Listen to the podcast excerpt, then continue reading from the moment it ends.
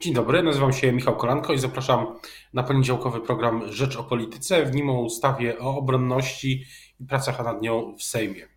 Dzień dobry Państwa i moim gościem jest dzisiaj Marcin Kulasek, poseł e, na Sejm, e, sekretarz generalny Nowej e, Lewicy. Dzień dobry. Dzień dobry panie redaktorze, witam serdecznie Państwa. Dzisiaj specjalna podkomisja rozpocznie pracę nad ustawą o obronności. Pan w tej sprawie wziął udział w debacie w Sejmie w ubiegłym tygodniu, e, jeśli chodzi o stanowisko lewicy. No i właśnie pytanie, e, co, e, jaki jest pomysł lewicy wokół, wobec tej ustawy? Panie redaktorze, szanowni państwo, ja w ogóle chciałem się wytłumaczyć, że z samochodu, bo właśnie jestem w drodze do Warszawy, zatrzymałem się, żeby z państwem porozmawiać na w drodze na podkomisję właśnie, nadzwyczajną podkomisję, która została powołana przez Komisję Obrony Narodowej, której jestem mm, członkiem, e, wiceprzewodniczącym tej podkomisji. E, I dzisiaj o 12 odbywa się pierwsze spotkanie, będziemy e, pracować nad poprawkami do, do tej ustawy.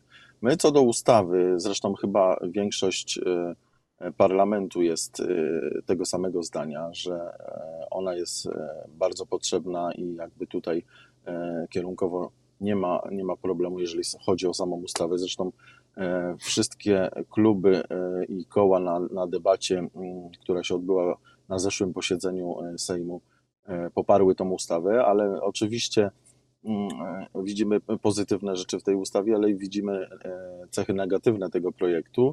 No i stąd, stąd też między innymi poprawki, które jako lewica będziemy zgłaszać. Co, co Państwa niepokoi? Co Państwa w tej ustawie niepokoi? E, może zacznę od tego, e, panie redaktorze, e, od pozytywów, bo żeby nie było, że lewica tylko, tylko, albo w ogóle, że opozycja tylko krytykuje rząd, to chcemy pochwalić rząd za stworzenie szeregu zachęt do odbywania służby wojskowej, czy brak przywrócenia poboru E, chociaż możliwe jest wprowadzenie obowiązkowej, e, e, obowiązkowej służby zasadniczej drogą rozporządzenia prezydenta, ale to, to zawsze tak było. Główna rzecz, którą, z której się cieszymy i którą uważamy, że w tej sytuacji, w której jesteśmy, agresji Rosji na Ukrainę, to zwiększenie finansowania sił zbrojnych do 3 PKB. W ustawie najpierw było zapisane 2%, 2% PKB, 2,5% PKB. Pan prezes e, Kaczyński, wicepremier podczas debaty zgłosił, że to będzie aż 3% PKB. To, to są pozytywy. Natomiast e, rzeczy, które nas niepokoją, to przede wszystkim mm, likwidacja e, wojewódzkich komend uzupełnień i wojewódzkich sztabów, wojskowych sztabów wojewódzkich.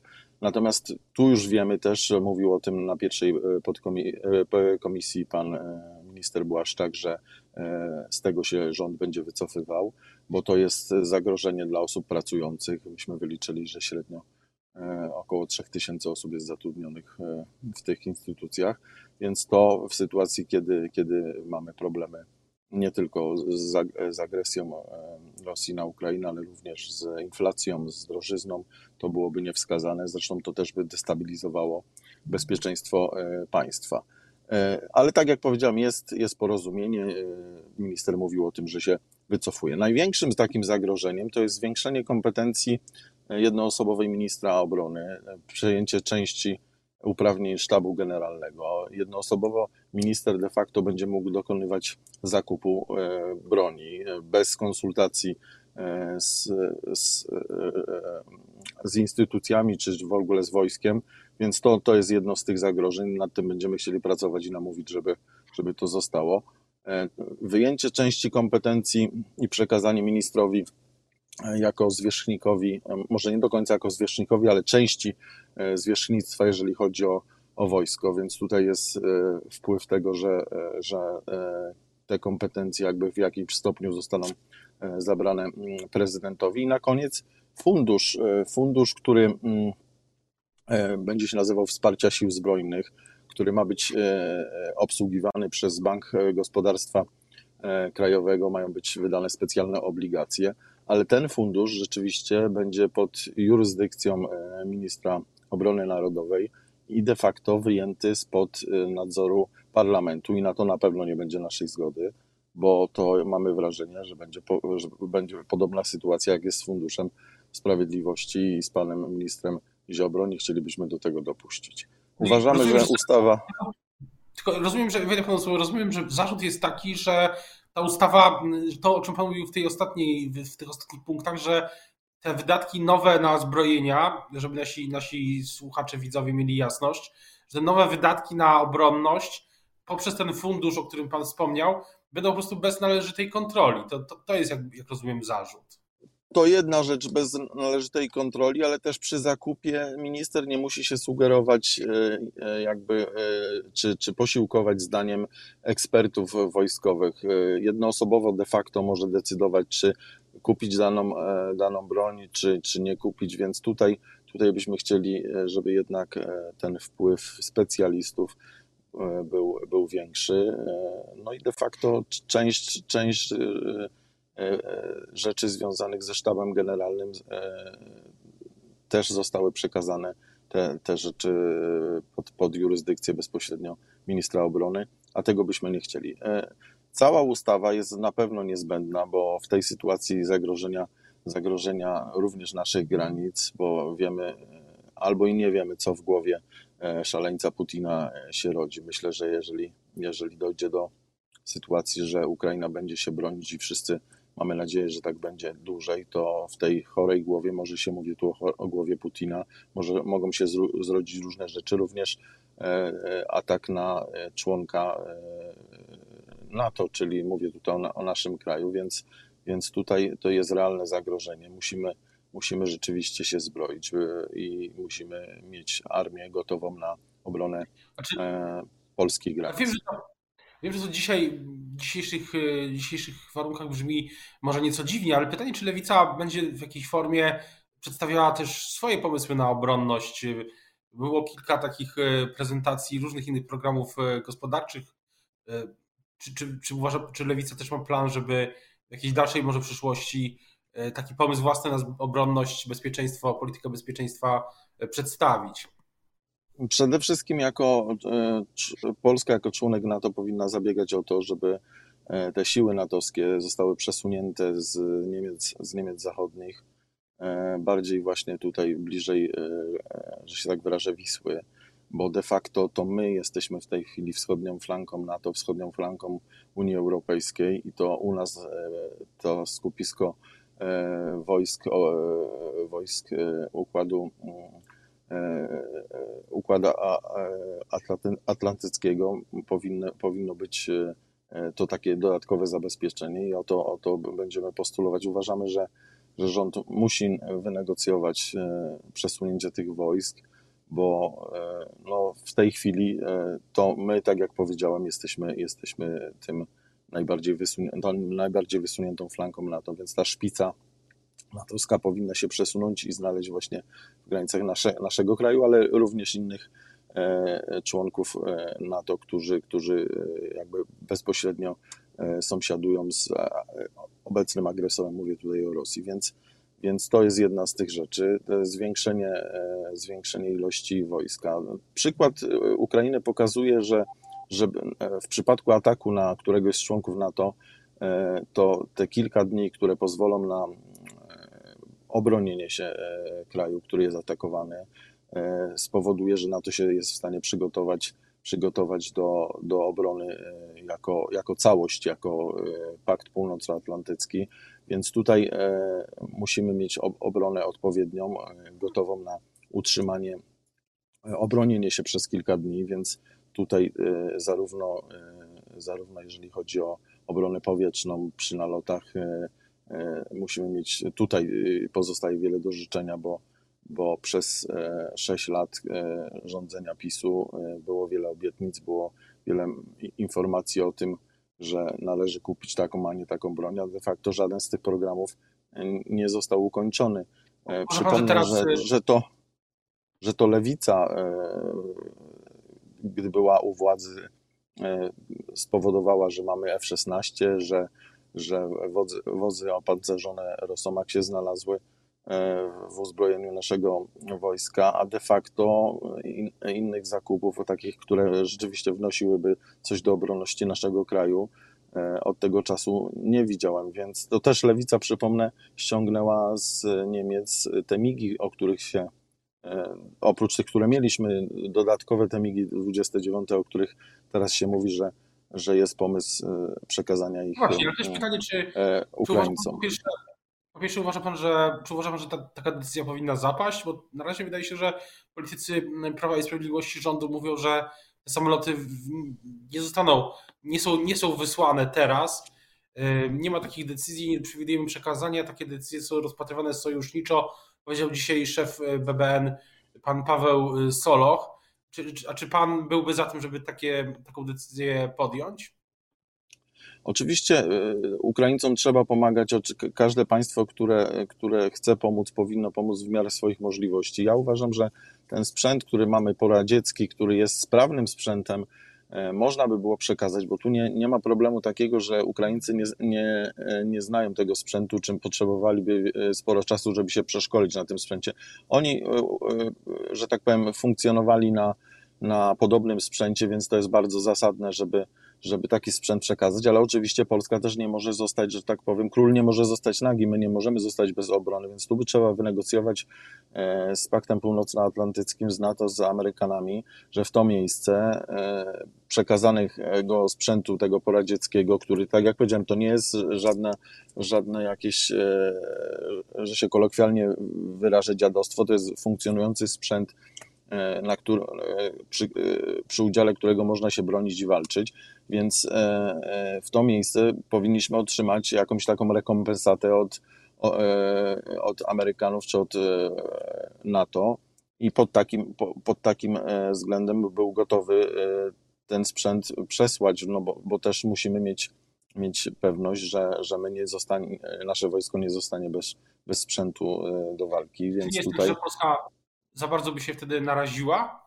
że bezpieczeństwo Polski... Wie pan co, też, też są pewne, tak?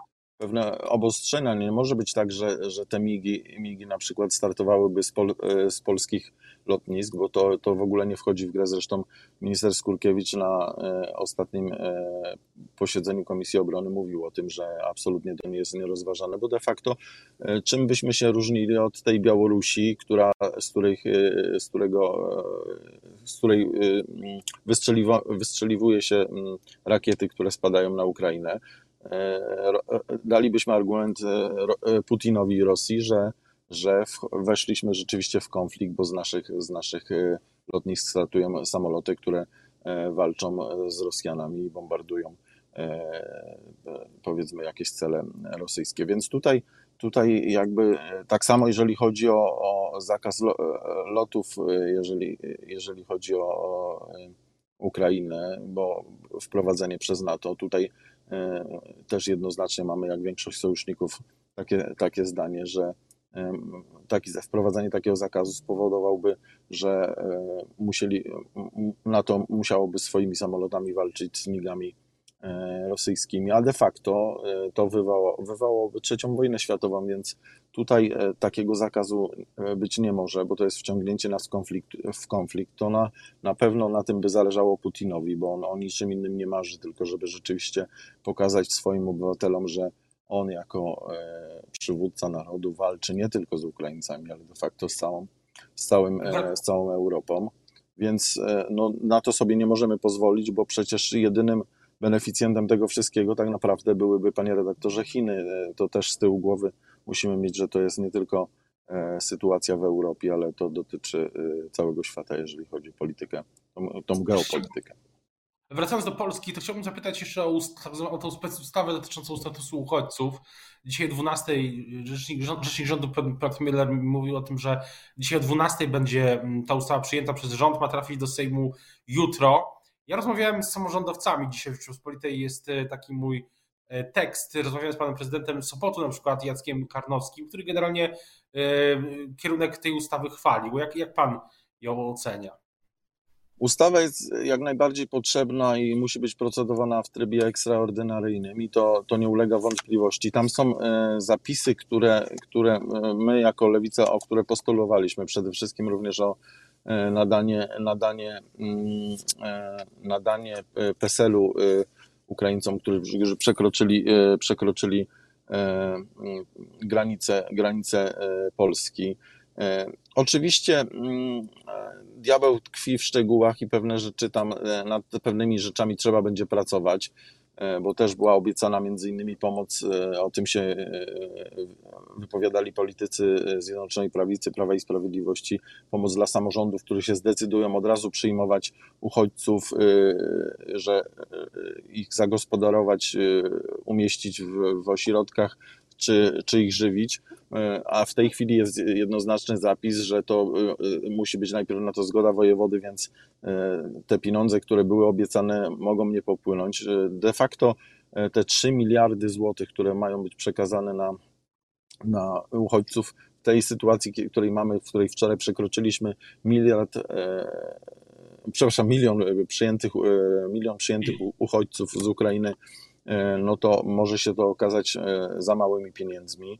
E, de facto tym zarządzać będą wojewodowie w województwach, i, a będą kolejne nałożone rzeczy na, na samorządy, kolejne obciążenia, więc pytanie jest, czy, czy, czy rzeczywiście będzie to wszystko zgodnie z, zgodnie z, z tym, co się dzieje, rozmieszczane, mówię o, o pieniądzach. My dzisiaj o 12 jako lewica, też o 12 robimy e, takie wysłuchanie publiczne ekspertów, którzy, którzy się na tym znają. Chcemy e, dodatkowo e, ich zapytać, co, co poprawić w tej ustawie, żeby nie wylać dziecka z kąpielą, żeby, żeby rzeczywiście ona była taka, jak potrzebna. Ale my żeśmy mm, jako lewica od początku mówili o tym, że ta ustawa musi nadać obywatelom Ukrainy statut równy obywatelom Unii Europejskiej, ale tym Ukra obywatelom Ukrainy, którzy wejdą, e, którzy dostali się na, na teren naszego e, e, kraju. Zagwarantuje, zagwarantuje im to przede wszystkim prawo do pracy, prawo do działalności gospodarczej, dostęp do publicznej służby zdrowia, czy dostęp do oświaty i nauki. To są takie rzeczy, które my musimy jak najszybciej uchwalić. To też plus dla Zjednoczonej e, Prawicy, dla rządu, że, że to tak e, szybko chcą wprowadzać, ale tak jak powiedziałem, diabeł tkwi w szczegółach i, i też trzeba nad tą ustawą popracować, żeby się nie okazało, e, że jest bublem, takim bublem jak na przykład już zapomniany w tej sytuacji, którą mamy Polski Ład, a przecież on nadal jest do poprawy i nadal do wyprostowania w kilku, dziesięciu miejscach. Na koniec chciałbym jeszcze zapytać, jak pan ocenia, jak ten, jak ta ustawa, czy jak, jak ta cała, cały ten kryzys y, wpłynie na polską politykę? Czy coś zmieni? Czy, czy polityka się zmieni po, po tym wybuchu wojny, czy, czy ten spór polityczny będzie jeszcze ostrzejszy? Panie redaktorze, chciałbym, żeby się y, zmieniło rzeczywiście, żeby klasa polityczna potrafiła ze sobą rozmawiać, a nie tylko ze sobą walczyć.